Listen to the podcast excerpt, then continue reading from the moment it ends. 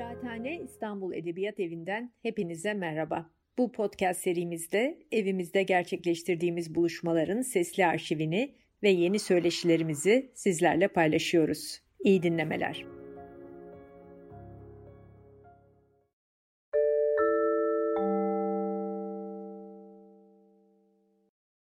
Ee, merhaba sevgili Kıraathane ne diyelim izleyicileri, takipçileri, dinleyicileri.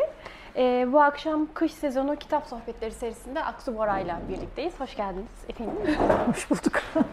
Sen de hoş geldin. Ak hoş. Evet ben de hoş geldim hakikaten. Karşılardan geldim Evet. yani. İki yılda ikinci geçişim buraya. Ee, Aksu da Akçakoca'dan geldi. Hakikaten çok mutluyuz. Ee, kısacık isterseniz onun biyografisinden bahsedeyim. Sonra zaten e, iki kitabı üzerine konuşacağız. Aslında daha önce Ayız yayınlarından çıkan e, 2011'de ilki, diğeri 2000 kaçtı? 15 galiba. 15 evet. Galiba 15. E, Feminizm kendi arasında 2011'de Ayız yayınlarından çıkmıştı. E, şey iradenin iyimserliği de 2015'te. Şimdi onları il- iletişim yayınları tekrardan e, yayına hazırladı E, ve kendi şey feminizm kendi arasında genişleterek birazdan onu konuşacağız zaten. E, Aksu Bora 1963 Van doğumlu. Ankara Üniversitesi Siyasal Bilgiler Fakültesini bitirdi.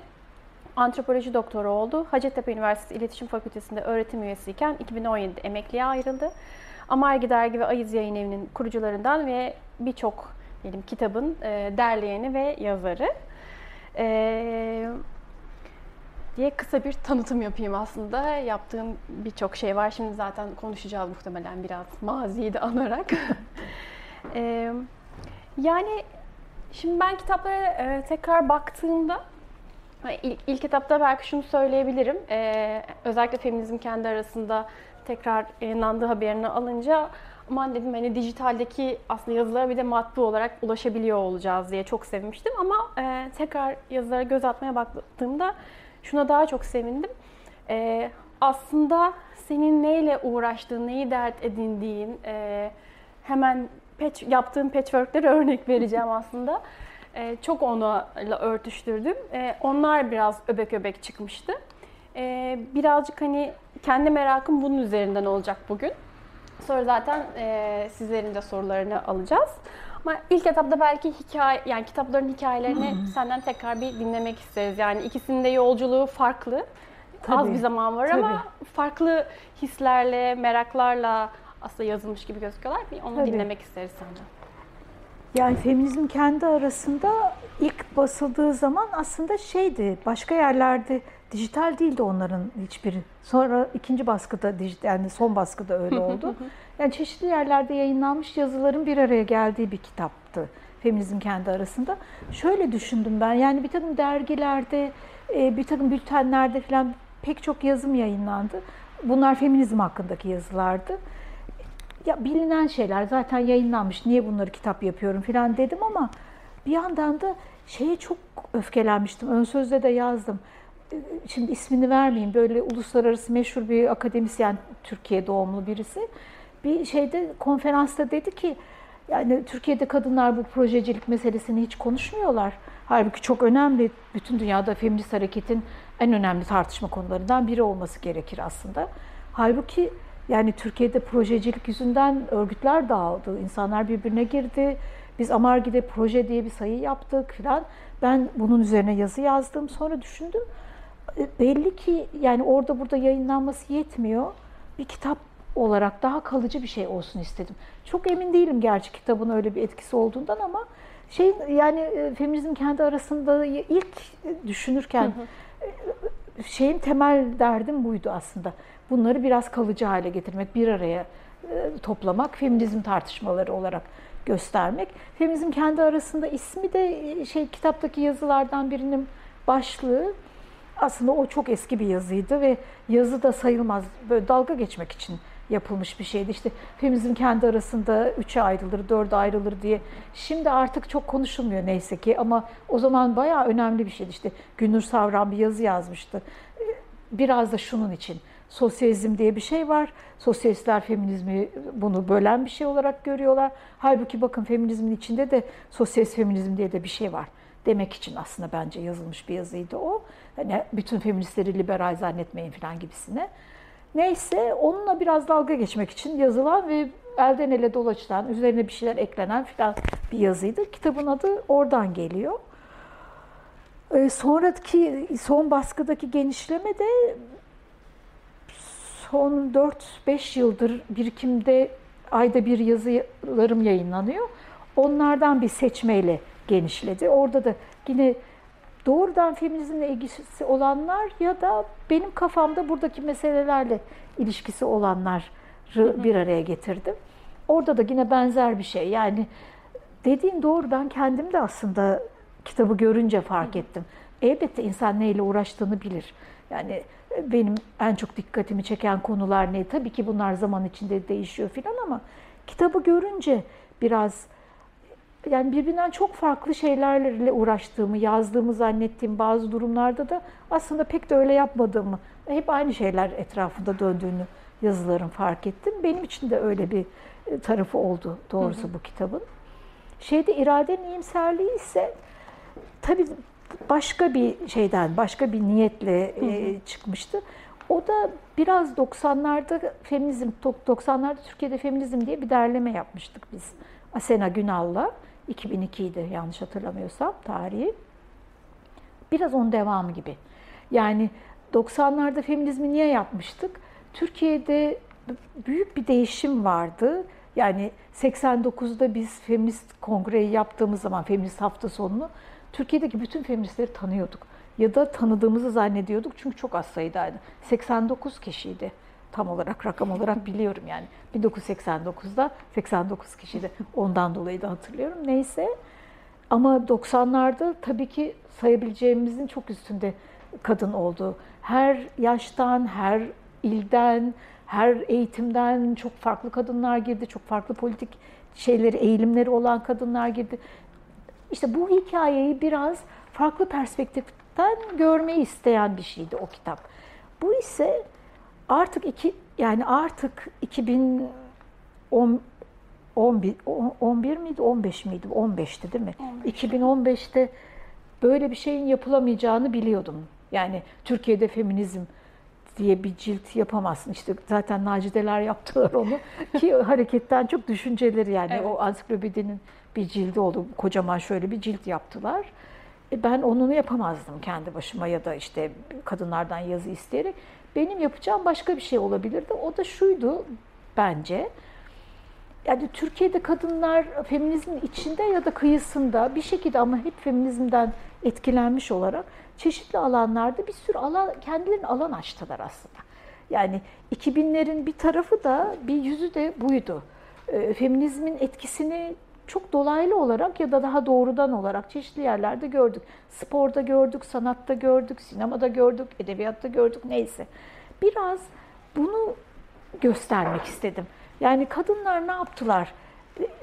Böyle pür pür politik bir şey olması gerekmez.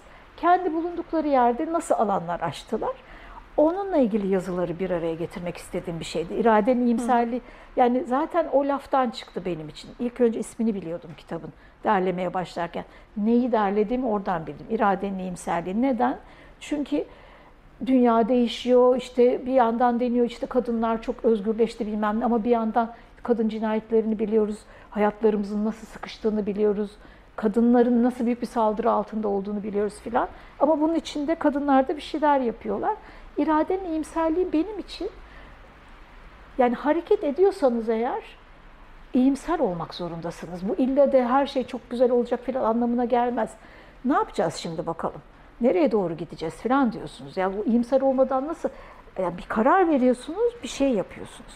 Dolayısıyla da hani peki bu kadınlar ne yaptılar? Neye karar verdiler? Ne yaptılar filan? Bunu ay ne kadar uzattım değil mi? Biraz böyleydi yani kitabın şeyi esas derdi onun da böyle bir şeydi. Tabii ki çok fazla eksik var. Şimdi baktığım zaman yaparken de farkındaydım onun. Ama tamamlanamıyor. Hiçbir kitap aslında tam olmuyor. Mutlaka eksik oluyor, o da eksik. Ama e, eksiklik dediğin ben de şunu düşündüm. E, yaz, yazdığında da birazcık değinmişsin ona da. E, hareket açısından falan da düşündüğünüz zaman hani bütün işte anlattığın negatif olan biten işte didiştiği şeyler diyelim feministlerin onlar açısından da bir umut veren bir şey. Yani aslında ya yapılan şeyler bir yerlere gidiyor ve aslında bir sürü kadın başka şey yapmaya devam ediyor. Çünkü o şey diye söylemişsin ya yani kadınların hissettiği hep böyle bir eksiklik duygusu yani. Hani harekette de sürekli konuşulan bir şeydir bu. O kadar çok şey yapıyorsun ama yetemiyorsun filan. O duygu bir türlü gitmez. Onu göstermek açısından da bence hani ya önemli. Bir de şey var yani çok uzatmak istemiyorum ama ya şey çok fark etmiyorsun. Feminizm o kadar farklı dillere tercüme ediliyor ki Türkiye'de MHP'nin içinde bile kendisini ya biraz da feminist olmak. Bu kitaptaki yazılardan biri o. Biraz da feminist olmak lazım. Ülkücü kadınlar bunlar. Ülke ocaklarında onların temel kavgası da MHP'nin içindeki kadınlarla e, ocaktaki kadınlar, gençler ve yaşlılar biçiminde giden başka bir hikaye var orada da. Şimdi bu feminizm olmaksızın olmazdı bu. Ve bu iyi bir şey. Yani e, çok milliyetçiler, şöyleler, böyleler filan ama sonuçta MHP'li birisi olacaksa ya da ülke ocaklarında şey sarkık bıyıklı bir herif olacağına o kadınla ben daha konuşabilirim yani. O yüzden yaptığımız şeyi değerini bilmemiz lazım. Çok büyük bir şey başardı Türkiye'de feminist hareket. Şimdi ay aman şunumuz da eksik böyle de kavga ediyoruz bunu da beceremedik de diyoruz kendimize böyle çok evet kadının bir şeyi galiba Hı. bu özelliği eksiklerimizi çok iyi görüyoruz ama bir yandan da işte bunu başardık ya. Yani işte o, o kadın yazarlar öyle ortaya çıktı. Plastik sanatlarda bu kadınlar böyle çıktı. Yani Canan Şenol diye bir şey çıktı mesela. Hmm. Ya bunlar öyle azımsanabilecek şeyler değil. Onu ya da işte o Gölköy'deki balıkçı kadınlar. Yani baktığın zaman feminizmle hiç alakası yok. Ama konuştuğunda şeyi görüyorsun. Feminist bir dil kullanıyor. Çünkü bir şekilde havaya yayılmış o laflar ve herkes onu bir yerinden tutuyor, kendi şeyine tercüme ediyor. Yani kendi hayatına, kendi diline, kendi ihtiyaçlarına neyse ve böyle konuşmaya başlıyor. İşte iradenin imserliği benim için böyle bir şey. Hı hı. Ee, şimdi aslında bu yani temalara dair, nelerle uğraştığına dair onları sormak istiyorum ama onun öncesinde yazma iliş, yazma ile olan hmm. ilişkini merak ediyorum açıkçası. Hani hep şeyi söyleriz yani çok zor bir şey kadınlar için yazmak, e, bildiğimiz bir sürü e, nedenlerle aslında. E, hem bunu merak ediyorum, nasıl yazmayla olan ilişkin, hem de yani böyle yazdıklarında şey görmüyorum yani ya ya iki şeyini değil de hem başka hmm. şeyleri görüp hem başka şeyleri gören ya da işte dedim ya hani böyle kitabı görünce ilk senin yaptığın patchworkler falan gözümün önüne geldi. O bütün parçaları birleştiren ve o belki de işte feministlerin de feminizmin de söylediği büyük hikayeyi ortaya çıkaran bir şey de görüyorum. Ee, yani bu hmm. bilinçli olarak yaptığım bir şey mi ya da ne bileyim senin bir şekilde o yazma deneyiminde böyle bir şey mi evrildi? İkisi de herhalde. Yani ben yazmanın kadınlar için çok zor olduğunu teorik olarak biliyordum ama pratik olarak bilmiyordum. Ne demek istiyorum? Yani Ayezi ve Amargi bana kadınların yazmayı çok zor yaptıklarını, yazmakla problemli olduklarını net olarak gösterdi. Yoksa hani feministler bunu hep söylüyorlar işte kadınlar zor yazıyor bilmem ne. Ben de biliyordum bunu ama ben kendim hiçbir zaman öyle bir zorluk yaşamadım. Şey yapmak gibi olmasın ama benim annem yazardı zaten ve ben zaten kadınların yazmasının çok normal bir şey olduğunu zannederek büyüdüm. Hani öyle olmadığını anlamam için başka karşılaşmalar gerekti. İşte Amargi de şeyi fark ettim. Ya konuşmaya gelince mükemmel konuşuyor kadın. Ya bunu bir yaz da yolla işte Mardin'deki kooperatif kurmuşlar mesela. Yaz şunun hikayesini diyorsun kalıyor öyle. Böyle bir şey gibi sanki. Büyük bir şey istemişsin gibi ondan. Halbuki gayet de güzel anlatıyor filan. Böyle şeylerle.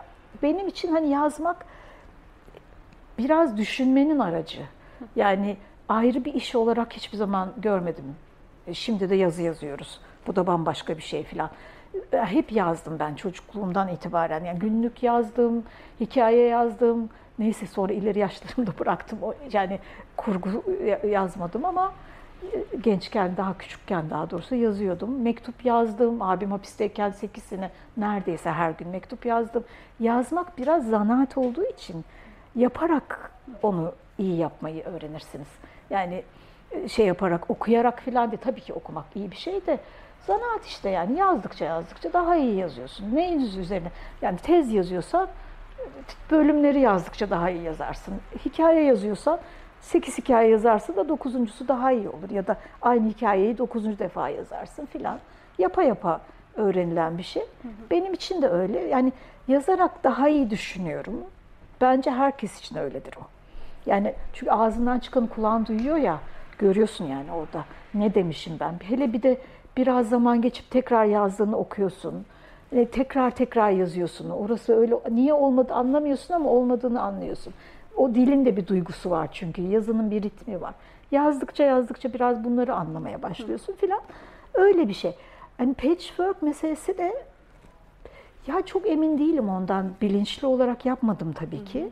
Fakat şöyle bir şey var. Benim tabiatım, ben ortanca çocuğum. Beş kardeşiz biz. Ben üçüncü çocuğum. Ve çok dengeli birisiyim. Yani hayatınızda bu kadar sıkıcı birisini görmemiş olabilirsiniz. Çok dengeliyimdir. Duygusal olarak çok dengeliyimdir. Bu, bunu niye söylüyorum? Hiçbir şey benim için ötekinden yani hı hı. öyle tabii ki daha değerli şeyler var ama nasıl söyleyeceğimi bilemedim. Bir şey yapıyorsam mutlaka onun öbür tarafını da görürüm. Hı hı. Yani bu biraz tabiat da böyle bir şey. Hani belki de çok liberal biriyim, fıtraten liberalim bilmiyorum yani ama hani şey yapamıyorum öyle bir şey görüyorsam onun başka bir yüzü daha var hı hı. ve onu birlikte gördüğüm zaman bir anlam ifade ediyor bana. Hı hı. O yüzden de hani biraz gevşek bir şey tabii ki tutum. Hiçbir zaman yeteri kadar hararetli olamıyorsunuz. Ama mesela çok istikrarlıyımdır. Çok hararetli değilimdir ama bir şeye karar verdiysem mutlaka yaparım onu gibi. Yani güvenilir biriyimdir o bakımdan. Ama yani böyle şeyim yoktur böyle bir coşkuyla sokaklara çıkıp bilmem ne çok özendiğim bir şey ama hani öyle birisi değilim. E, işte o denge biraz aslında. O var ama şu da var filan diye giden şey o. Bir de yazınca bunu daha iyi yapıyorsun evet. tabii. Öyle şeye gaza gelip de yürümüyorsun ki yani yazarken aa diyorsun bir de bak şu da var filan. Ha, gözün takılıyor filan. Ben ama şunu da düşündüm, bilmem hem fikir olur musun? Ee, birazdan konuşacaktım aslında iradenin iyimserliğinde ama e, bu bir şeylerin üzerinden bir şeylere bakma ya da çok seviyorsun aslında. Hmm. Bütün yani anlattığın şeylerde e, hani bütün teorik e, ve politik olarak yazdığın, tartıştığın şeylerde bunu yapıyorsun özellikle. Acaba o da mı etkili oluyor diye düşündüm. Şimdi ha. Benim için mesela bir takım işte bir sürü not aldım da e, çok uzatmayacağım ama e, nasıl diyeyim mesela bu iradeyi şeyde gördüm mesela bir kadının işlerin işte giysilerin çok fazla şey ifade ettiğinden bahsettiğin yazıda kadınlığı nasıl kurduğu vesaire. Hani bütün hayatımızı domine eden bir işte erkek egemen sistem vesaire var. Ama işte diyorsun ki mesela o türbanın ucunda bir iğne takmış ve onun ucunda onu ifade eden bir şey var ve hani hmm. bu bana mesela iradenin iyimserliği ve işte umut veren bir şey falan gibi de geliyor. Ve zaten o hikaye e, çok da kuru ve dar bir şey düşünmemize izin de vermiyor. Hmm. Biraz bu yöntem de yapıyor olabilir mi? O hem onu hem hmm. de bunu görme e, diye açıkçası o, onu düşündüm. Olabilir. Yani ben şey, teori düşünebilen birisi değilim aslında. Kafam epeyce basit çalışıyor. Yani bir şeyi elime alıp yoklamam lazım. Yani e, eliyle iş yapma şeyi yani çok sonradan geliştirdiğim bir şey değil o. Kelimelerle uğraşırken kelimelerle ilişkim de öyleydi. Şeylerle ilişkim gibiydi. Dolayısıyla da böyle çok soyut, kuramsal bir şey değil de işte bir şey varsa onu anlamaya çalışıyorum. Tabii anlamaya çalışırken teoriye de gidiyorsun. Ama teoriden başlayıp da oraya gelmiyorum da oradan başlayıp teoriye gidiyorum. O sebeple tabii her zaman somut bir şey oluyor. Ee, ben tez öğrencilerime de hep bunu söylemişimdir. Yani ilk önce şuradan şu küçücük yerden başla gidip de bana Latour üzerine bir şey yazıp gelme. Ne, ne derdin ne senin onu bir konuşalım da oradan bakalım bu atlıra mı gideceksin, Latour'a mı nereye gideceksin o zaman karar veririz diye. Kafam benim öyle çalışıyor o sebeple. Çok soyut düşünebilen biri değilim o anlamda. Evet, bu da işte biraz da her şeyi kapsayıcı bir şeyde tabii, yöntemde. Tabii, sanırım. çünkü bir, bir kadın işte görüyorsun. o mesela şey diye düşünmek onu ya da işte türbanlı demek ona yahut da işte Kürt demek ya da bir şey hani bir etiketle düşünmek mümkün değil. Çünkü hiçbirimiz öyle olmadığımız gibi o da öyle değil. Bu çok soyut bir düşünce. Yani bu nasıl bir kadın? Yani daha çok Ayşe'dir benim için o. Her şeyden önce. İşte Ayşe'nin ne özellikleri var onlara bakarım filan. O somut baktığım için. Ama işte bir taraftan da mesela o yazı için düşündüğümüzde hem dönem görüyorsunuz, kuşak görüyorsun, işte yaşadığı şey e, kadının içinde olduğu durum ama aynı zamanda işte iradesini beyan edebilme ihtimali ve işte ihlal imkanlarını da görüyorsunuz. E, birazcık o mesela dikkatimi çekmişti. Şimdi şöyle diyeyim, bir sürü şey var konuşacak. Hep birlikte de konuşalım istiyoruz ama bu öbekliklerden e, belki başlayabiliriz. Hep beraber de zaten e, konuşuruz. E, sizin eklemek istediğiniz şeyler olursa. Mesela şey görüyorum yani, e, özellikle feminizm kendi arasındaki yazılarında var ama hani onu iradenin iyimserliğini oluştururken ki yani hangi yazıları nasıl seçtiğine dair de bir şey söylüyor. Bu sınıflandırmalar ve isimlendirmelere dair olan e, ne diyeyim mesafen mi diyeyim ya da itirazların tartıştığın noktalar var. İşte buna biraz önce zaten sen de söyledin bu feminizm arasında ka, e, kaça ayrılır mevzusuyla başlayan aslında.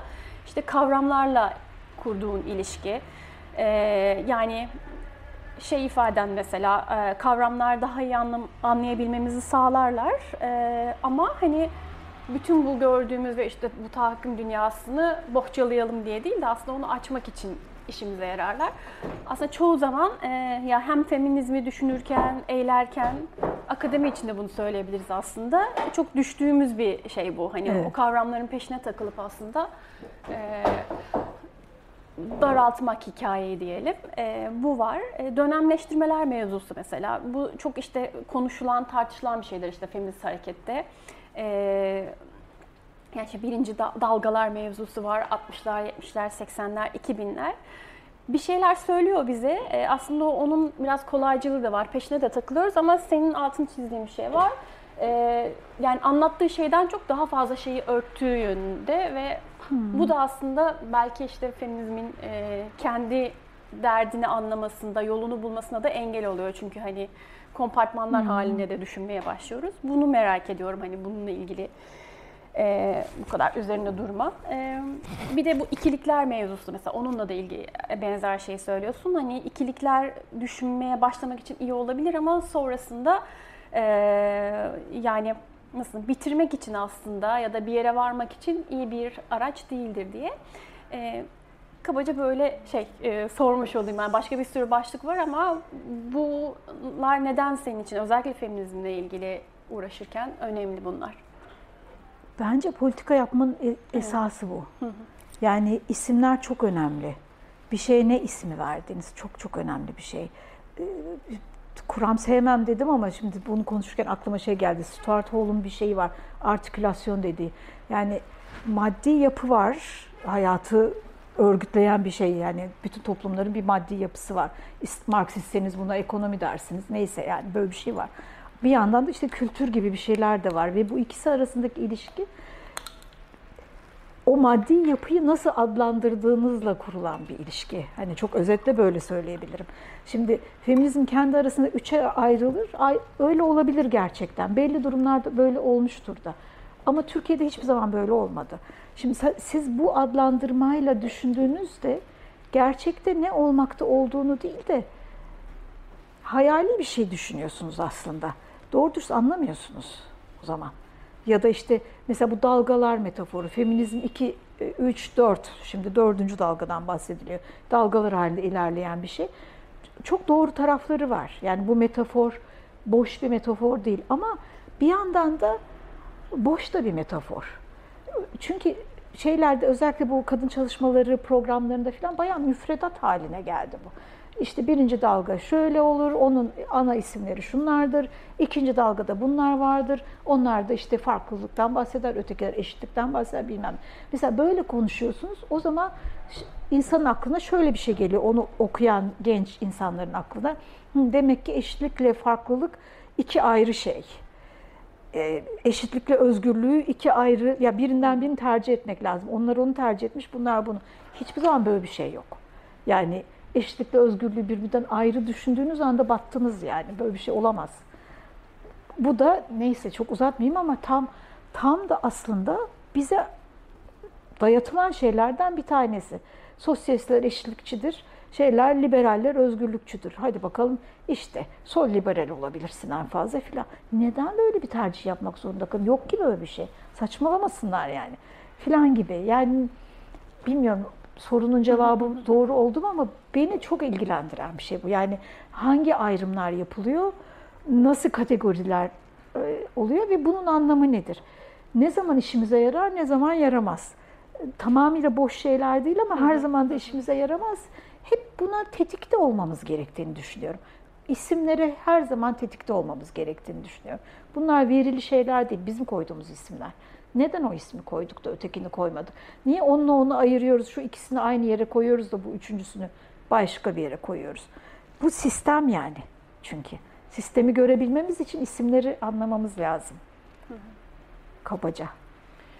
Ee, bundan devam ederek e, aslında hepsi birbirine bağlantılı hakikaten. E, bu şey mevzusu mesela feminizmin öznesini tartıştığın yazılara baktığımız zaman da işte kesişimsellik mesela mevzusu ya da feminizmi politik bir hareket olarak tanımlama e, tanımladığın yazılarda da mesela bunlar arasında da bir bağ görüyorum aslında. Bunlar da senin için hem işte feminist politikayı veya da teoriyi tartışırken önemli e, ne diyelim hmm, tanımlamalar ya da kavramlar olarak da karşımıza çıkıyor.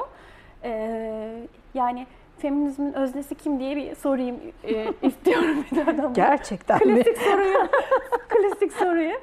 E, ve kesişimselliği bu noktada hani eleştirin ne ve aynı zamanda feminist hareket hani politik bir hareket olarak e, eylemle kurduğu açıkçası ilişki anlamından nasıl değerlendiriyorsun onu da merak İşte ediyorum. eylemle ilişkisi deyince feminizmin öznesine değil de yüklemine bakmak Evet. lazım.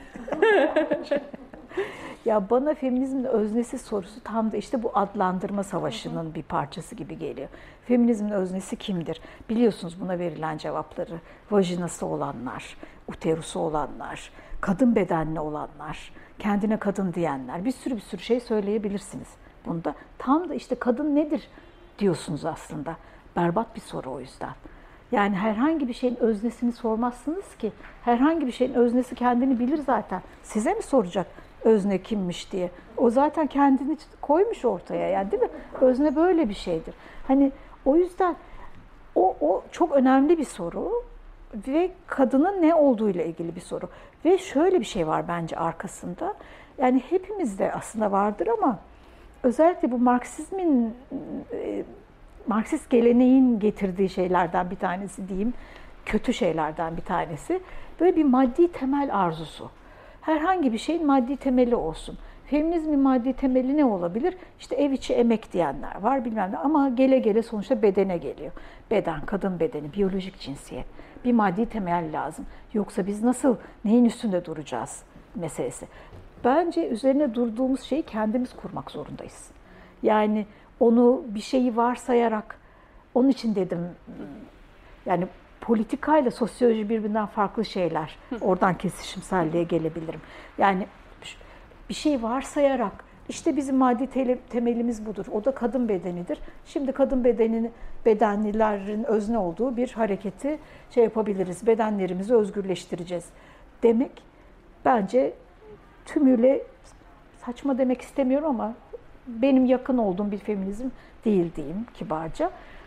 Hani çünkü e, ya biz toplumsal cinsiyet diye bir kavramı yıllarca savunduk ve fıtrat diye bir şey yoktur. Saçmalamayın. Kadınlar doğaları gereği şuna yatkınlardır, erkekler doğaları gere- gereği buna yatkınlardır. İnsanlar iki türdür, kadınlar ve erkekler filan. Bütün bu hikayenin patriarka hikayesi olduğunu söylemedik mi? Şimdi neden tekrar uterus konuşuyoruz? Neden tekrar rahimlerden, kadın bedenlerinden filan bahsetme ihtiyacı duyuyoruz? Bu, bu bir gerçeklik. Bunu konuşmak saçma değil ama politik düzey başka bir düzey. Biz ne yapmak istiyoruz? Yani programımız ne? Neye karşı çıkıyoruz? Ne için, nasıl bir araya geleceğiz? Onun için yüklem önemli dedim. Hani e, özne yüklemle bağlantılı bir şekilde ortaya çıkabilir. Fem, feminizmin öznesi kimdir sorusu, kimler buraya gelebilir sorusu. İşte bu 8 Mart tartışmalarında olduğu gibi. Kim gelebilir oraya? Buna cevap verme hakkı kimde var? Bunu bilmiyorum. kim feminist olabilir, kim olamaz. E, ne yaptığınızla ilgili bir şey bence yani. Ben birisini değerlendirirken yoldaşım olup olmayacağını anlamaya çalışırken yani onun ne yaptığına bakarım. Kim olduğundan çok ne yaptığına bakarım. Yani nasıl sosyalist harekette e, bayağı orta sınıftan bayağı burjuva filan insanlar olduysa Marx'ın kendisinin de bildiğiniz gibi bir toprak sahibi aileden gelen birisi olduğunu hatırlarsanız böyledir bu iş. Yani yoksa Neyse çok uzattım pardon. Kesişimselliğe gelmem lazım. Tabii bu da çaldı. Biz düşünmüştük ki evet. yarım saatten daha uzun yapmayalım da konuşmaya kalsın diye. Kesişimselliğe de oradan geleyim istersen. Evet. Ondan sonra da kapatayım. Uzatmayayım daha fazla. Bir temsil mevzusunda soracağım ama. Tamam. E, yani ya da onunla birlikte de aslında çok hani oradan oraya Ama her, şey, sen de nasıl her şeyi birden konuşabilirim? tamam, Ayırmam lazım. Temsil mevzusunu belki birlikte konuşuruz şey kesişimsellikle ilgili mesele aslında biraz önce konuştuğumuz şeyle benim için çok bağlantılı. Yani kesişimsellik kavramını farklı bir şekillerde anlıyorlar insanlar. Yani hepsi kesişimsellik tamamıyla bence yanlış bir şey değil. Belirli bir türde bize bir anlam ifade etmeli. O da benim için şu, daha çok bu Patricia Hill Collins diye bir Amerikalı sosyolog kadın var çok da ilginç bir kesişimsellik adı, adı bu olan kitabı var. Şöyle bir şey söylüyor kabaca. Diyor ki bu tahakküm sistemleri farklı e, çaplardadır diyeyim, farklı düzeylerdedir. Yani ekonomiyle ilgili olanlar var, daha böyle yapısal toplumsal şeyler, daha disiplin disipliner, daha kurumsal olanlar var mesela aile gibi şeyler var. Kişiler arası ilişkilerdeki tahakküm sistemleri var. Bunlar tabii ki birbiriyle bağlantılıdır ama mekanizmaları farklı işler, dinamikleri farklıdır. Dolayısıyla da işte bunların kesişmesinden bahsedebiliriz. Bir durumda, her bir durumda bir tahakküm ilişkisinde her bir düzey bir araya gelir ve özel bir şey çıkartır, manzara çıkartır diyeyim.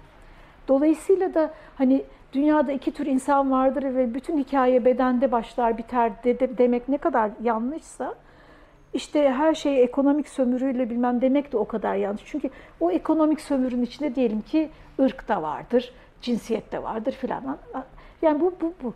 Ama Türkiye'de ve aslında Amerika'da bu şeyin Crenshaw'un daha çok önerdiği e, kesişimsellikte şöyle bir şey oldu.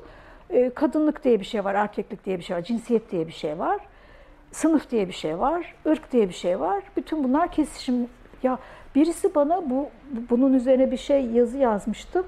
Bir şema göndermiş. Yani bunu öğrenmen lazım bu kesişimsellik şey. Hani çok da iyi iyi bir şekilde hani bana hakaret eder bir şekilde değil de böyle kesişen hakikaten vardır ya kümeler. Böyle işte şurada sınıf var, bu da buraya geliyor. Şu ortadaki şeyde ırkla sınıf kesişmiş. E bu tarafta neden kesişmiyor da orada kesişiyor? Sadece onu bilmiyor. Bu saçmalık. Yani şundan dolayı saçmalık kadınlık hiçbir zaman sadece kadınlık değildir. Deminki meseleyle ilişkisi bu. Kadınlık koku demek değil. Yani ay, bu kayıttayken bunu söylemek de ayıp oldu ama yani şey gibi sanki cinsiyet cinsiyetten ibaret bir şey olabilirmiş gibi. Cinsiyet, toplumsal cinsiyet niye dedik biz buna? Hiçbir zaman sadece cinsiyetten ibaret bir şey olmadığı için. Her zaman sınıfla ilgilidir, her zaman renginle ilgilidir, her zaman göçmen olmanla ilgilidir, neyse sosyal bağ, nasıl işçilik hiçbir zaman sadece emek ilişkisinden ibaret değilse, burada da benzer bir şey var. Şimdi kesişimsellik dediğiniz zaman sanki öyle değilmiş de siz onu başka bir düzeyde kesiştiriyormuşsunuz gibi. Ne münasebet? O zaten kesişiyor. Niye toplumsal cinsiyet kavramından vazgeçtiğinizde kesişimsel feminizm diyorsunuz buna? Hiç bunun ben bir açıklamasını bilmiyorum ve sosyolojiyle şeyi, politikayı e, karıştırıyorlarmış gibi geliyor bana. Yani orada da şöyle bir neyse çok uzatıyorum ama sosyolojide yani birisi birisi diyelim ki Çorumludur, işçidir, bir şeydir, bir sürü özelliğiniz olur, bir kimliklerinizle ilgili bir şeydir. Bu ne zaman politik bir şey olur? Çorumlular bir ayaklanma başlatsa mesela politik bir şey olur değil mi? Ya da hı hı kadınlar bir ayaklanma başlatsa politik bir şey olur. İşte o politikadan bahsettiğimiz zaman sadece o sosyolojik kimlikler değil de onlarla ne yaptığımız, onları nasıl adlandırdığımız. kime karşı kurduğumuz.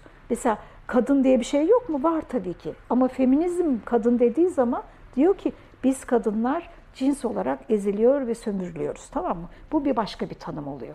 Ah Allah köpekleri ana etmesin de dersin. Fıtrattır bu. Ama böyle dediğin zaman biz ezilen cinsiz dediğin zaman bir şey söylemiş oluyorsun. Politik bir şey söylemiş oluyorsun. Böylece şeylere geçmiş olduk bak. Evet, eylem. Unutmadan araya girmek istiyorum. Çünkü e, zor meseleler gerçekten. Şimdi siz demin, e, şunu indireyim de konuşayım. E, eylem dediğiniz için şöyle bağlandı benim kafamda bu kesişimsellik meselesi. Eylemse önemli olan. Biz erkekleri nasıl eleştiriyoruz? Teoride doğrucu olup eylemde olan olmuyorlar. Yani bir profesör teoride her şeyi bilip, teoride feminist olup erkekten bahsediyorum. Evinde e, eşine, e, eşini dışlayıcı, ayrımcı davranabiliyor. Aynı şey kadınlar için de geçerli değil mi? Yani bir feminist, e, beyaz, üst sınıf bir feminist evinde çalıştırdığı bakıcısını, e, işte Türkiye'li olmak zorunda değil, Amerikan diyelim. İşte evinde çalıştırdığı Meksikalı alt sınıf bir e, bakıcıyı eziyor olamaz mı? Yani burada eylemse gözeteceğimiz şey, kesişimselliğin önemi bu bence. Yani kadınlar da kadınları e, eziyor, eziyor olabilir. Tabii eziyor. Yani hani Tabii, tabii, tabii. ben e, pozitif e, bir kategori olarak görüyorum feminizm içinde. Onun için tam nereden karşı çıktığınızı anlayamadım. Şuradan karşı çıkıyorum. Benim tez konum bu aslında biliyor musunuz? Şey e, ev içi emeğin kadınlığı nasıl kurduğu tam olarak bu meseleyle uğraşmaya çalıştım ve kesişimsellik kavramına ihtiyacım yoktu bunun için. Toplumsal cinsiyet kavramı yetti. Neden yetti? Şunu gö- gördüm. Zaten biliyordum yani başlardan da biliyordum. E, işveren olmakla işçi olmak arasında ikisi de kadın olsa da çok önemli bir fark var ve bu şöyle değil. Benim onu yazdığım zamanlarda, o tezi yazdığım zamanlarda şöyle söyleniyordu. Kadınlık ortak paydadır. Bu bütün yani bu sınıfları falan yatay keser. Yani birisi işçi, birisi işveren olabilir ama kadınlıkta ortaktırlar. Ben o tezde göstermeye çalıştım ki kadınlıkta ortak değillerdir onlar. Çünkü farklı kadınlıklar vardır. Toplumsal cinsiyet derken biz zaten bunu anlatmaya çalışıyoruz. Onun için toplumsal cinsiyet kuku demek değildir diye şey yapmaya çalıştım. Ortak filan değiller. Nerede ortak olabilirler? Feminizmle ortak olabilirler. Politikada. Şey dediğiniz zaman hani biz kadınlar eziliyoruz bilmem ne. O zaman o kadına şey deme hakkınız olur. Feministsin madem sen ne bok yemeye bu kadına böyle davranıyorsun diyebilirsiniz. Yoksa normal olarak tabii ki o işveren ister kadın olsun ister erkek olsun ne olursa olsun işveren neyse onu yapıyor. Bir yani sosyoloji düzeyinde onu söyleyemezsiniz ama politika düzeyinde söyleyebilirsiniz. Evet, Anlatabildim mi? Niye oldu yani? yani o farklı kadınlıklar Tabii ki. e, Tabii ki. aslında evrile evrile kesişimselliğe gelmiş diyebiliriz yani bir şekilde. Öyle okuyorum ben. Bence öyle değil işte. Yani evrile evrile gelmedi. Orada çok kötü, çok liberal bir şey. Ben liberalizmi şey olarak, hakaret olarak kullanmam. Bana zaten bir sürü insan liberal diyor. Belki de haklılardır bilmiyorum ama bu liberal bir şey. Neden? Çünkü cinsiyeti birisinin sahip olduğu bir şey olarak görüyor. Ya da sınıfı. O birisiyle ilgili bir şey gibi görüyor. Beni çok üzen, daha doğrusu korkutan bir şey var şimdiki feminist tartışmalarda. Bu kesişimsellik tartışması da onun bir parçası. Patriarkadan Allah'ım ne kadar az bahsediliyor. Yani toplumsal cinsiyetten ya da cinsiyetten ya da işte biyolojik cinsiyetten, uterustan bilmem neden bilmem neden bahsediliyor da patriarkadan neredeyse hiç bahsedilmiyor. Bir sistem var ve asıl önemli olan o sistem içinde nereye yerleştiğiniz. Dolayısıyla da hani sizin sahip olduğunuz bir şey değil, tıpkı sınıf gibi. Sınıf da bir insanın toplumsal olarak toplumsal konumudur. Ekonomik ilişkiler içindeki yeridir ya da işte neyse. Bir sürü ilişkilerle ilgili bir şeydir. Biriyle ilgili bir şey değildir de birileriyle ilgili bir şeydir. Anlatabiliyor muyum? Onun için kesişimsellikte öyle bir problem var. O biriyle ilgili bir şeymiş gibi davranıyor. Ya da kesişimsellik ne zaman problem olmaz? İşte sistemlerden bahsettiği zaman problem olmaz. Kimliklerden bahsettiği zaman problem olur. Ben hani kimlik politikasına çok şiddetle karşı birisi değilim ama bu bu kimlikleri birbirinden ayırma biçimiyle çok bireyselleştirdiği için hmm, çok karıştırdım galiba ama benim için çok sıkıntılı bir şey ve beni bayağı öfkelendiren bir şey. Çünkü Allah'ım ne kadar memnun oluyor herkes böyle bir şey kesişimsel feminist olduk sınıfı da görüyoruz, ırkı da görüyoruz. Oh ne güzel filan gibi. Böyle bir böyle bir kendinden memnun. E ne yapıyorsun peki?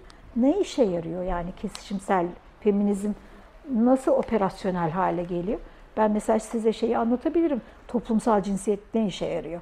Ben onunla ne yapıyorum anlatabilirim ama kesişimsel feminizmin ne işe yaradığını bilmiyorum. Plan var mı? Burada şey susayım ben. Ee, Estağfurullah. Yani çünkü iyi geliyor e, duymak. Ee, yani burada da düşündüm daha önce de hep bir yere katılıyorum. Ee, kuşaklar arasında çok büyük bir iletişim kopukluğu var bence feministlerden bahsediyorum. Yani deneyimler bir şekilde niye aktarılamıyor? Mesela şu söylediğiniz nokta çok önemli. Yani hani patriarka dediniz bir şey aydınlanıyor kafamda. Ee, evet doğru yani unutuldu. Bu? O, o, sert, o sertlikte söylenmiyor artık. Ee, kimlik politikalarıyla, dünyada kimlik politikalarının daha çok benimsenmesiyle alakalı olabilir ama bunun kadınlar arasındaki, yani bir kadın, hepimizin kadın olarak bir hafıza sorunu, zaten hafıza sorunu var bu toplumda ama bizim daha çok bence. Bir şeye hep yeniden başlıyoruz sanki. Ee, bu iradi bir şey de olmayabilir yani bir belki bir, bir zayıflığın bir eksikliğin sonucu bilmiyorum. Biz hep eksiyiz. Evet. Yani bir, bir şey yanlış mı yapıyoruz? Neden bu kopukluk? Sanki hani e, mesela Senem Timiroğlu şey diyor ya işte Osmanlı feministleri yoktu, işte Cumhuriyet'te yeniden keşfedildi. Mesela biz onu unutuyoruz. Veya işte sizin patriarka dediğiniz bir zaman çok kuvvetli bir şekilde unutuyoruz. Başkası bir şey hep böyle yani biz, biz bir şeyler yaptık, pen kulübünde o unutuldu, şimdi onu yeniden sıfırdan konuşuyor herkes. Niye böyle? Siz cevabını verdiniz aslında soru, soruyu sorarken. Bu kadar fazla sizi düşman bir sistemin içinde yaşarken sizin kendinizi ve hemcinslerinizi, kendi hareketinizi sevmeniz, onun değerini bilmeniz çok zor. Yani biz niye bu kadar fazla kendi eksiklerimizi görüyoruz? Annelerimizin de çok eksiğini görüyoruz değil mi? Yani e, Osmanlı feministlerini unuttuk. Onlar zaten böyle şey cahil, bağnaz, bilmem ne filan kadınlardı. Bütün edebiyat şeylerine bakın. Bunu görürsünüz. Onlar ama biz şimdi yepyeni, sıfırdan başka bir şey yapacağız.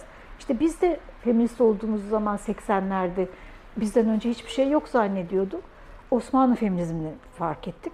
Aslında fark etmediğimiz bir de şu varmış mesela sol hareketler içindeki kadınlar çok genç oldukları için böyle bir kadın hareketi bilmem ne dememişler ama ay az buz bir şey yapmamışlar. Biz onları da dinlemedik. Yahut da edebiyatta yani şeyin diyelim ki Sevgi Soysal'ın keşfedilmesi ya da Tomris Uyar'ın keşfedilmesi ta ne zaman hani feminist açıdan okunması ne zamanı buldu? Biz yani bu bizim suçumuz mu? Tabii ki biraz bizim suçumuz. Ama biraz da hani kadınlık o kadar da değerli bir şey değil. Kadınların yaptığı şeyler de çok kayda değer şeyler olmayabilir. Bunu şey, teorik olarak öyle olmadığını bilsek bile içimize sindirmemiz zor oluyor herhalde. Kuşak farkı da normal bir şey ya. Biraz da öyle olur. Biraz da çakacaklar ki yeni gelenler kendine yer açsınlar. Öyle bir tarafı da varmış gibi geliyor. Ben o kadar şey değilim hani onunla ilgili. E, biz de belki geri çekilmeyi bilmeliyiz. Biraz kenara çekilmeyi bilmeliyiz onlara yer açmak için bilmiyorum. Şeyde özgürleşmek de öyle değil midir? Annenizle kavga edersiniz sonradan kıymetini bilirsiniz. Onun gibi. Evet. Başka soruları almaya başlayalım. Siz Yok ben yeni feminist ben yeni öğrenmeye çalışıyorum. Çok çalışmak lazım. Kolay değil feminist olmak. evet. yani doğal feministmişim öyle söylediler. Hmm. Kuramı bilmiyorum ama doğal feministmişim onu üzerine kurmaya çalışıyorum ben şimdi. Onun bir şey söylemeyeceğim. Sen temsilden bahsediyordun. Evet. Pardon bir şey soracağım dedin ama ben sonra kestim. Başka, yok estağfurullah. Başka sorusu olan varsa aslında onlarla da gidip ben aralarda da tekrar tamam. unutmadım onu şey yapabilirim. Soru varsa ya da Sormaya korkuyor olabilir abi. Bir soru sorunca kadın uzattıkça uzatıyor deyip önleri kopuyor O zaman ben şey yapayım. Neydi Açmak temsille ilgili soracağım? Yani aslında e, biraz önce bu feminizmin öznesini falan konuşurken de yani sürekli aslında onunla da bir bağlantı kuruyorsun e, diye düşündüm. E, yani feministler ve feminizm neyi, kimi nasıl temsil eder sorusu aslında. E, e, tabii ki bu feminizmin öznesiyle de çok ilintili. E, bir taraftan senin hani bu temsil mevzusunda e, şey ayrımın çok önemli. Bence işte harekette de bazen öyle oluyor. Bunu çok üstünden atlıyoruz yani. E, feminizmin aslında kadınları temsil etmediğinden ve kadınlığı e, bir eşitlik konumu olarak mesela örneklendiriyorsun, tarif ediyor. Yani aslında değerleri temsil eder, e, bir kadını temsil etmez diye e, bir şey var altını çizdiğin. E, bunu sormak istedim aslında ve çok onunla da uğraşıyorsun. Neden uğraşıyorsun? Neden bu kadar önemli senin için diye temsil mevzusu? Ya ben feminist oldum olalı bana yani bana değil sadece feminist kadına hep şey denir. Anadolu kadını da var. Siz burada tuzu kuru şehirli kadınlar. Benim anam tarlada doğurdu beni filan. Size de muhakkak söyleyenler olmuştur. Sen kim yani sen kimsin de kadınları temsil ediyor. Hep o yüzden bu soru benim için önemli bir soru oldu. Ben kadınları temsil ediyor muyum? Kadınlar adına mı çıktım diye. Ama biz baştan itibaren hep şey kurmaya çalıştık. Ya biz kendimiz için çıktı, çıktık. Kendi hayatımızı dönüştürmek istiyoruz filan. Sonra acaba bu çok bencilce bir şey mi? Yani o kadın da tarlada çocuk doğuruyorsa ben de burada vay efendim yolda bana laf attılar diye olay yaratıyorsam çok mu şey tuzu kuru bir şey yapıyor falan. Neyse hep benim için problem oldu. Ama önemli olan şey biraz önce dedim ya adlandırma diye. Feminizm kadını adlandırdığı için temsil ediyor. Adlandırarak temsil ediyor. Neyi kastediyorum? Mesela Recep Tayyip Erdoğan da kadınları adlandırıyor. Ne diyor? Hanım kardeşlerimiz diyor değil mi? E, Bir de feministler var. O bayağı adlı adınca feminist diyor ama onlardan işte başı bozuk kız mı kadın mı belli değil filan birileri. Ama bir de hanım kardeşlerimiz var. Hani gerçek kadınlar onlar. Şimdi hanım kardeşlerimiz diye birisi yok tabii ki. Ama o onları böyle adlandırarak hanım kardeşlerimiz diye bir kategori yaratıyor ve bunu var ediyor.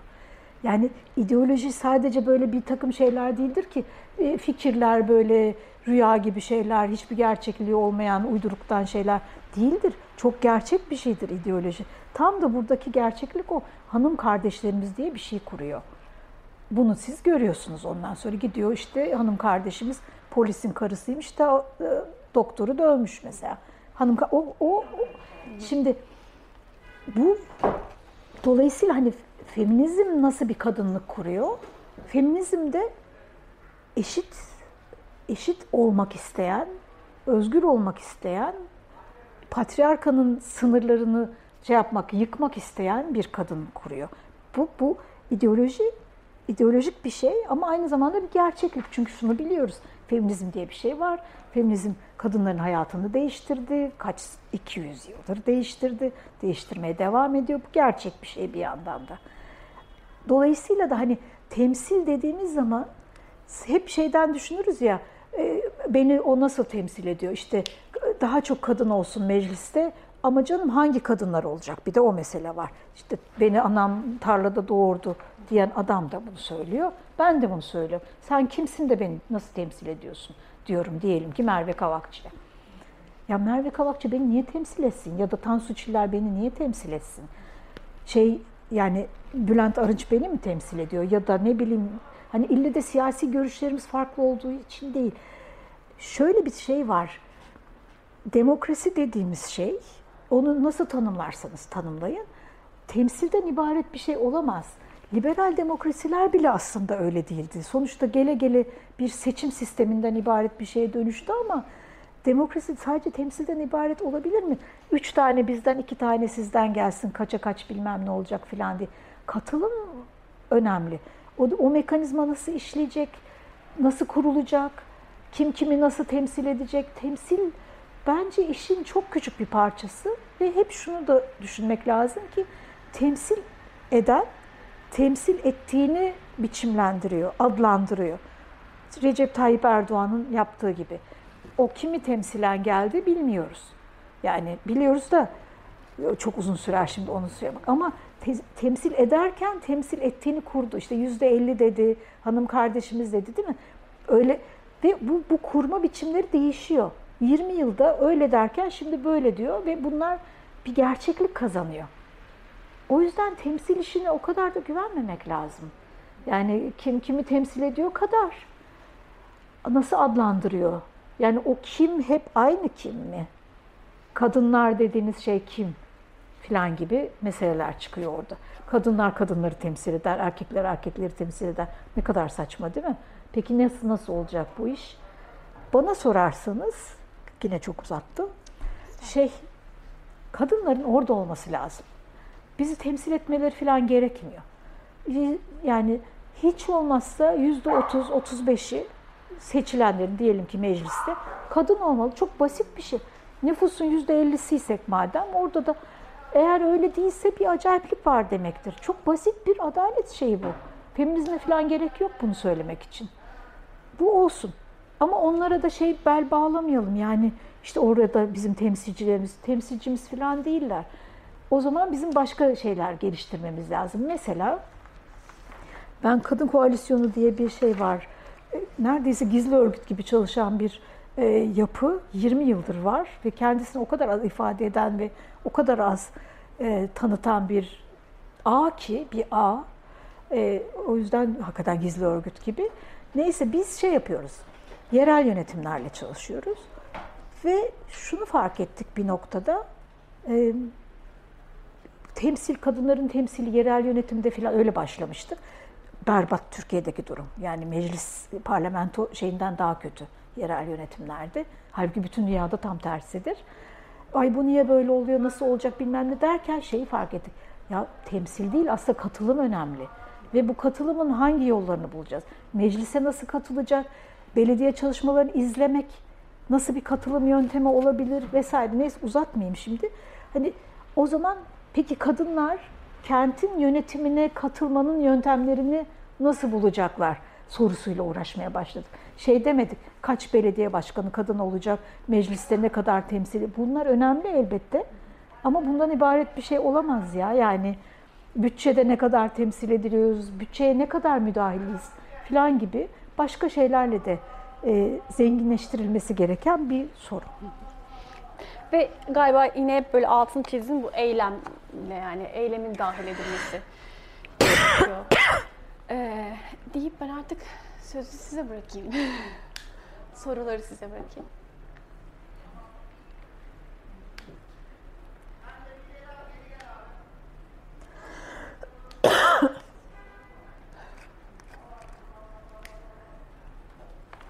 Yani e, daha çok feminizm kendi arasında üzerinden gittik ama hani iradenin iyimserliği bir derleme olduğu için ve yazarlarımız maalesef diğer hazır.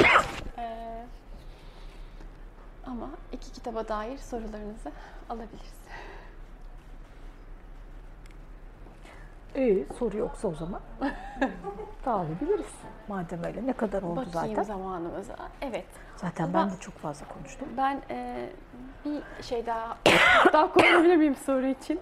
E, merak ettim son şey olsun bu e, hakikaten. E, belki sizin açınızdan da açıcı da olabilir. Bu kız kardeşlik mevzusu. Çok e, yani hareket içinde çok konuşulan kuşaklar arası biraz önce söylediğiniz hem de o kendi kuşakların kendi aralarında e, kurulmasında, o mirasın devralmasında problemlerin yaşandığı bir şey. Yani çok da konuşulan, zaman zaman hani nasıl diyelim iyi e, örneklerini gördüğümüz ama zaman zaman da çok tökezlediğimiz bir şey e, diye düşünüyorum açıkçası. Hatta bu e, kız kardeşlikle ilgili de çok az şey var aslında feministlerin hani bu da aslında bir şey söylüyor yani. O kadar az konuştuğumuz ve üzerine yazdığımız, tartıştığımız bir şey ki biraz böyle canımızı da yakan bir şey bir taraftan. Ee, onu da e, yani senden duymak isterim. Daha çok yine bu tanı, bir tanımlama yapıyorsun ve o ortak eylemle ve düşünmeyle kurulduğunu söylüyorsun. Hatta ismine bile itiraz ediyorsun aslında kız kardeşlik. Çünkü hani aileye referans veren biyolojik bir tarafı da var yine yani. Karındaşlıktan geldiğinde düşünürsek kardeşliğin. Ee, ve hani yoldaşlık olması gerekiyor bu hani kullanmamız gereken ve e, diye söylüyorsun. Bunu belki son olarak da senden duymak isterim. Şeyden başlamak lazım. Yine böyle biraz lafı dolandıracağım ama bu kız kardeşlik lafı ne zaman çıktı diye. 70'ler feminizmi ve Amerika. Ee, ve siyah kadınlarla beyaz kadınların kız kardeş oldukları, sonra da işte Afrikalılarla, Asyalılarla bütün kadınların kız kardeş oldukları. Neden? Çünkü aynı sistem tarafından ezilmekteler. E, buradan başlıyor kız kardeşlik hikayesi. Sonra bu kız kardeşlerden bazıları dediler ki bir dakika ya aynı şekilde ezilmiyoruz biz. Yani sen bu ırkçı toplumda bir beyaz kadın olarak tamam adamla didişiyorsun, haklısın filan ama benim yaşadığım başka problemler var dediler mesela filan. Kız kardeş filan değiliz hop dediler. Haklılardı bunu söylemekte de. O yüzden hani bu kız kardeşlik bir yandan çok aile içi bir şey ve feminizm bence aileyle uğraşması gereken bir şey. Zaten esas işi bu feminizmin. Aileyle uğraşmak. Ama e, yani bir aile ilişkisini de kendi politik ilişkilerinin metaforu olarak kullandığı zaman çok şey bana çok ters ve saçma ve yadırgatıcı geliyor. Bir o kadar benim için önemlisi de bu başlangıç noktasını bildiğim için.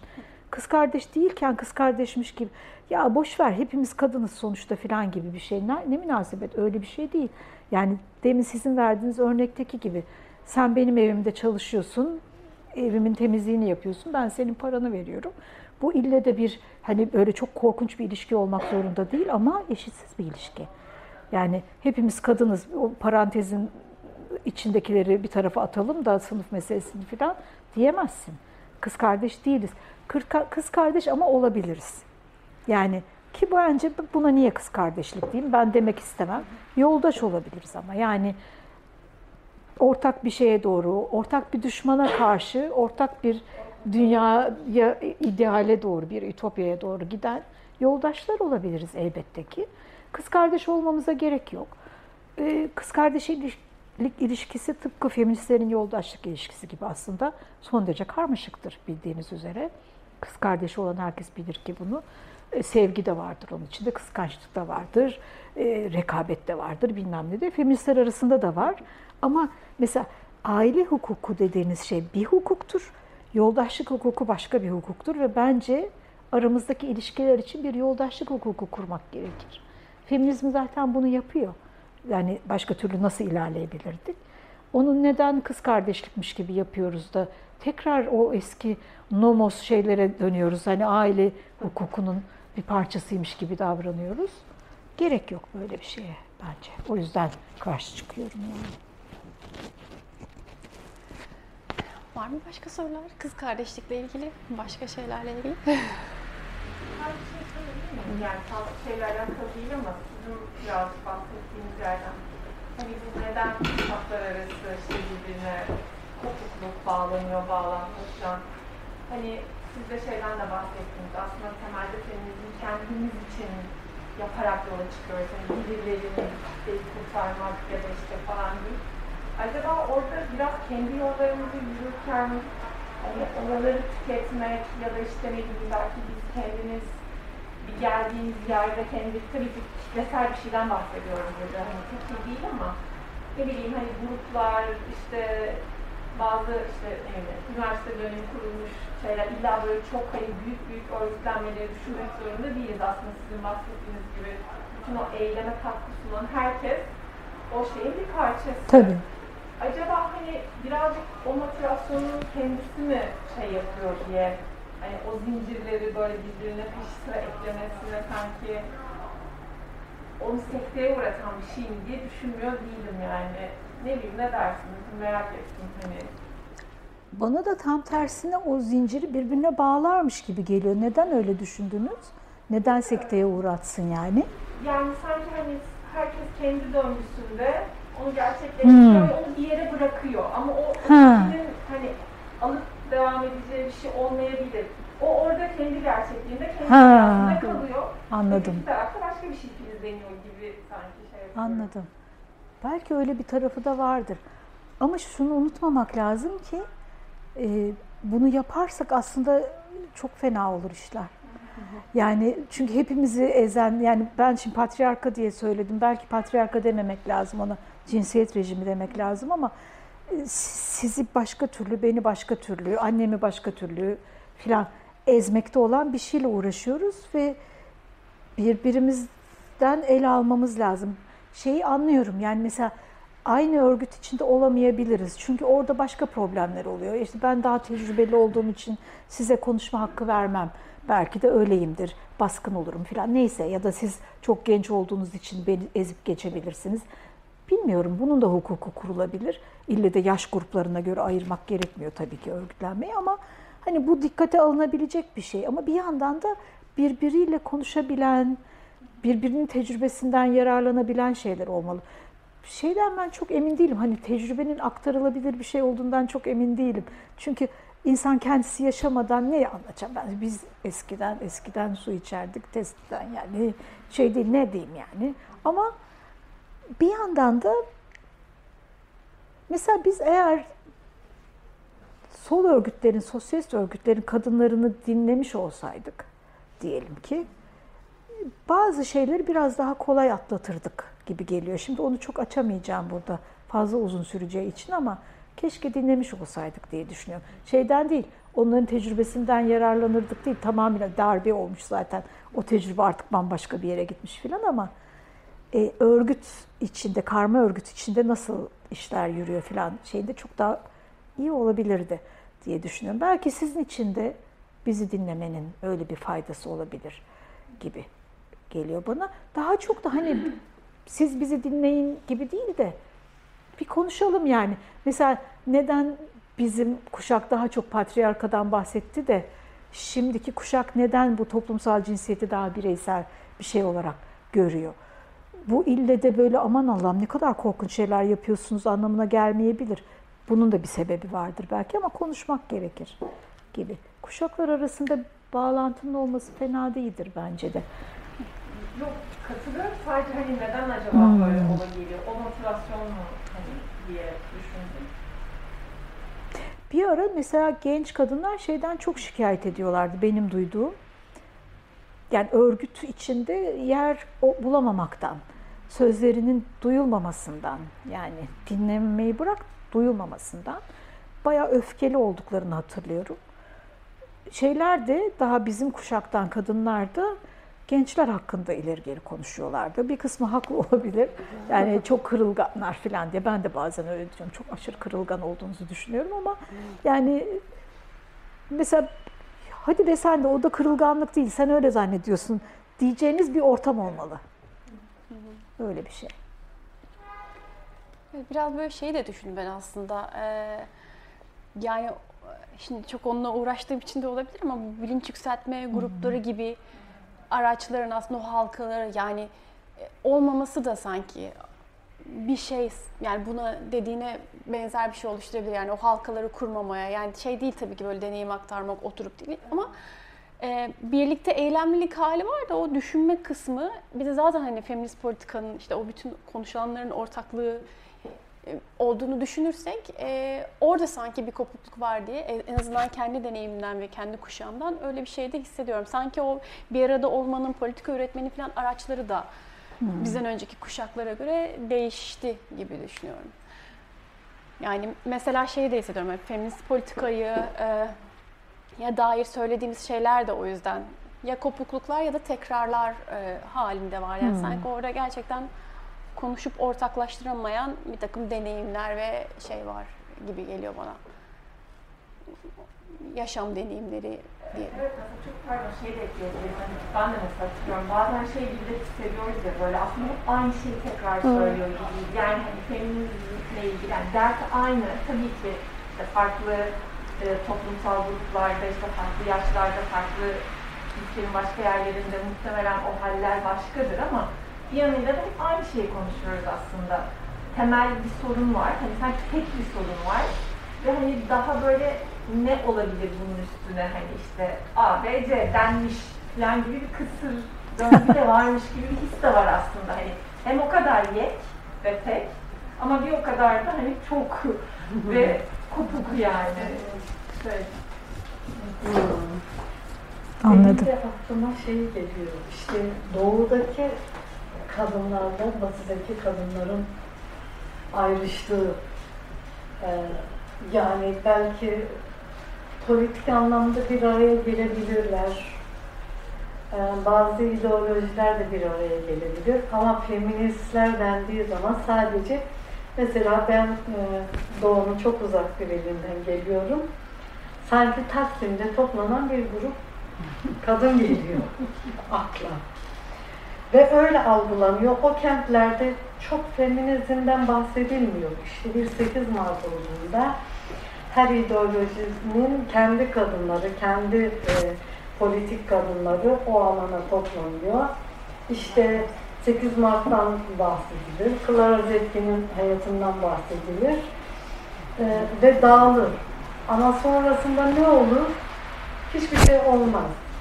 Kadın o toplum içerisinde yaşadığı bütün şiddeti, aileyle uğraşmayı, ünvan çatışmasını, çalıştığı alanda bir hiyerarşiyi, her şeyi e, bir kenardadır. Ya işte böyle birkaç aydın kadın bu özel günlerde bir araya geldiğinde ya da böyle bir grup oluşturduğumuzda birbirimizi dinlediğimiz alanlar oluşmakta. Yani ben de evet feminizm sadece sanki erkeğe karşı bir örgütlenme gibi e, düşünmüşümdür. Detayına hiç inmemişimdir. Sanki feministler ayrı bir şey gibi Taksim Meydanı'nda duruyor gibi. Siz nereden gelmiştiniz? Ben Tunceli'den geldim. Tunceli'de kamer yok mu? E, kamer var. Biz o kamerin de ilk böyle çalışmalarına katılan kadınlardandı. Yani Taksim dışında da feminizmin Evet, oradan merkezleri var. Bir, bir şey oldu, bir e, güzel bir toparlanma oldu. Ama ne oldu? Düzenlediğimiz gecelerde işte düzenleyen arkadaşlar bizim de eğlenmek için hani kadınlarız ilk kez Tunceli'de işte bir otelin e, salonunda işte eğleniyoruz. Ve o eğlenme içerisinde çok çılgınca hareketler eden kadınlar ortaya çıkmaya başladı. Ne yapıyorlar çılgınca? Yani Çok merak ettim hakikaten. Nasıl bir şey? içlerinde yaşayamadığımız şeyleri o anda bütün açıklığıyla ortaya koyuyoruz. Yani kendinden geçercesine dans edebilmek için ağzı çıktığı kadar bağırabilen kadınlar. Yani e, bana evet o bir e, boşalmaydı e, fakat çok da saçma gelmişti. Şöyle bir düşündüm ya beynim nerede benim ben hani neyi nereden yakalayacağım diye. Yerel yönetimler dediğimiz evet şimdi hani e, kadınlar bir araya geliyoruz ya işte hala onu aşamamışız. Bana çok ilkel geliyor. Bir koltuğa sahip olan bir kadın, bir unvana sahip olan bir kadın diğer bir kadını geri plana itebiliyor ve kendisi yine o erkek toplumun içerisinde tek kadın olarak kalmak istiyor. Ee, böyle kalınca da diğer kadınların yanına yaklaşmak isteyen, belki onunla birçok şeyi paylaşmak isteyen kadınları ister istemez uzaklaştırıyor. Hani ben böyle çok akademik temel- terimleri, işte kavramları belki çok ifade edemeyeceğim ama doğallığıyla anlatmak istiyorum. Yani ben nacizane kendimce araştırmaya çalışan, okumak isteyen, bu yaşıma kadar hala bir şeyi bilmeden gelip yeniden bir ilkokul öğrencisi olmak isteyen bir kadınım. Ee, ama e, üzücü oluyor. İşte yalnız kalıyoruz. Asıl meselenin özünü kavrayamıyoruz. Bulamıyoruz işte. Hani feministsek, feministiz, politiksek, politik olalım diye ya arada kalmışız. Böyle dönüyoruz. Size şeyi bilmiyorum muhtemelen haberdar değilsiniz. Biraz önce dedim ya kadın koalisyonu gizli örgüt gibi diye.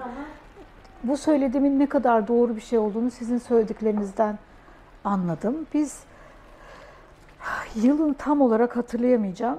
En önem verdiğimiz toplantılardan birini Tunceli'de yaptık ve Tunceli'de e, 2009 2008 ya da 2009 olmalı. Tam tarih. Songül'ün belediye başkanı olduğu zaman e, Türkiye'deki bütün bele- kadın belediye başkanları ki o zaman 9 taneydi. Sadece 9 kadın vardı. Hep birlikte Tunceli'ye geldiler. Biz bu şey kadın koalisyonunun örgütleyicileri olarak onlarla birlikte geldik ve nasıl işbirlikleri yapabilecekleri üzerine konuştular. Mesela hani şeyi anlıyorum çok haklısınız. Yani bu kadar büyük bir meseleyle ve bu kadar büyük bir ülkede bu kadar büyük nüfusla çalışmak tabii ki zor ama hani orada bizim yapmaya çalıştığımız şey işte bu kadınları bir araya getirmiş. İşte orada e, Mardin de vardı, İzmir e, şeyde vardı filan yani böyle işte Rize'den de bir kadın vardı AKP'li filan. Bunlar bir araya geldi ve bir şeyler. Ondan sonra bu devam da etti üstelik. İlişkimizde devam etti. Bu kadınlar bir daha seçilmedi, başkaları geldi filan ama bir yol kat etmeye çalışıyoruz. Tam yani ancak bu kadar yapabilirsiniz. Yani şey olmuyor tabii. Tunceli'deki bütün kadınları birden örgütleyen, kapsayan bir şey yapamıyorsunuz ama oradaki belediyeyle ne yapabiliriz? Onunla Mardin arasında nasıl bir şey kurabiliriz falan gibi anlatabiliyor muyum? Ondan sonra bir bakıyorsunuz o belediye başkanı gidiyor, başkası geliyor. Birdenbire bütün çalışma çökmüş. Ya da siz öyle zannediyorsunuz. Sonra beş sene sonra diyor ki oradan birisi ya o zaman bir şey yapmışsınız hatırlıyor musunuz? Biz onunla ilgili şöyle bir bütçe çalışması yaptık. Ah diyorsunuz tekrar gidiyorsunuz. Yani biraz böyle yürüyor bu iş. Yani onlar e, belediye içerisinde evet bazı şeyler gerçekleştirildi. Toplu sözleşmeleri koyuldu.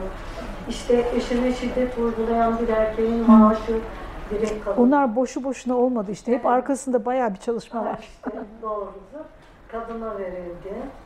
Ee, yani kopukluk belki o çalışanlarla başkanlar arasında oldu. O da ister istemez demin dediniz ya patron işçi ilişkisinde. Çünkü çıkarlar ortaya çıkıyor bu sefer. Sonuçta ülkemizde o hiyerarşi üst düzeyde devam ediyor. Ee, oradan başlıyor. Tabii ki ikinci bir şey var. Ee, Tunceli'de feminist olabilmek için biraz lüks kalacak. Çünkü daha fazla başka sorunlarla uğraşıyor. İşte oranın bir terör sorunu olması, oranın her gün sokağa çıktığınızda zırhlı araçları görmeniz, bir kişiye 10 polisin düşmesi gibi her an başınıza nereden ne gelebilir, işte doğanıza saldırı, işte kadına saldırı gibidir. Ben çok üzülüyorum. İşte bugün e, internette bir baktım. İşte Tunceli'de peri bacaları işte yeni sanki görülmüş gibi bir kazıda orayı turizme açmak. Tamamen tahrip. Şimdi Tunceli'de olan bir iklim bozukluğu burayı etkilemeyecek mi? Buraya olan orayı da etkileyecek. Yani birçok sorunla karşı karşıya olduğumuz için belki yeri geldiğinde o haklarımızı nasıl savunacağımızı ikinci plana atmış olabiliyoruz. Bilmez miyim? Biz bununla ne kadar çok uğraştık. Evet, Biliyorum. sağlık. Ben şeyi hatırlıyorum son yıl döneminde. Evet birçok akademisyen e, kadın arkadaşlarımız geldi. Fatma Berktay vardı. Çok emeği geçti onun. E, ya şimdi üzülerek biraz aşırı unutkanlık bu aralar başladı. İçeri düşen bir profesörümüz var diye. Hı, Beyza Hoca. Heh Beyza. Beyza Hoca falan gelmişti. Çok e, kişilerin çok katkısı oldu yani. Ama yine de işte o alana çıktığımızda o belli kadınları görmek üzüyor insanı. Hayat. Çok teşekkür ediyoruz. Artık değil mi? Son verelim. Ee, geç oldu bayağı. Ben Sizin de ayağınıza ederim. sağlık. Senin de Aksu ta Akçakocalar'dan buraya geldiğin için. Kış Ta, gününde. Akçak Evet. Ay o 3 saatlik yol o kadar Karşıdan uzak. geçmesi. Bir de karşıdan geçen arkadaşlarımız var. O Onlara daha önemli. Bence daha zor bir şey Akçak Hoca'dan gelmekten. Çok teşekkürler. Teşekkürler. İyi akşamlar herkese. herkese.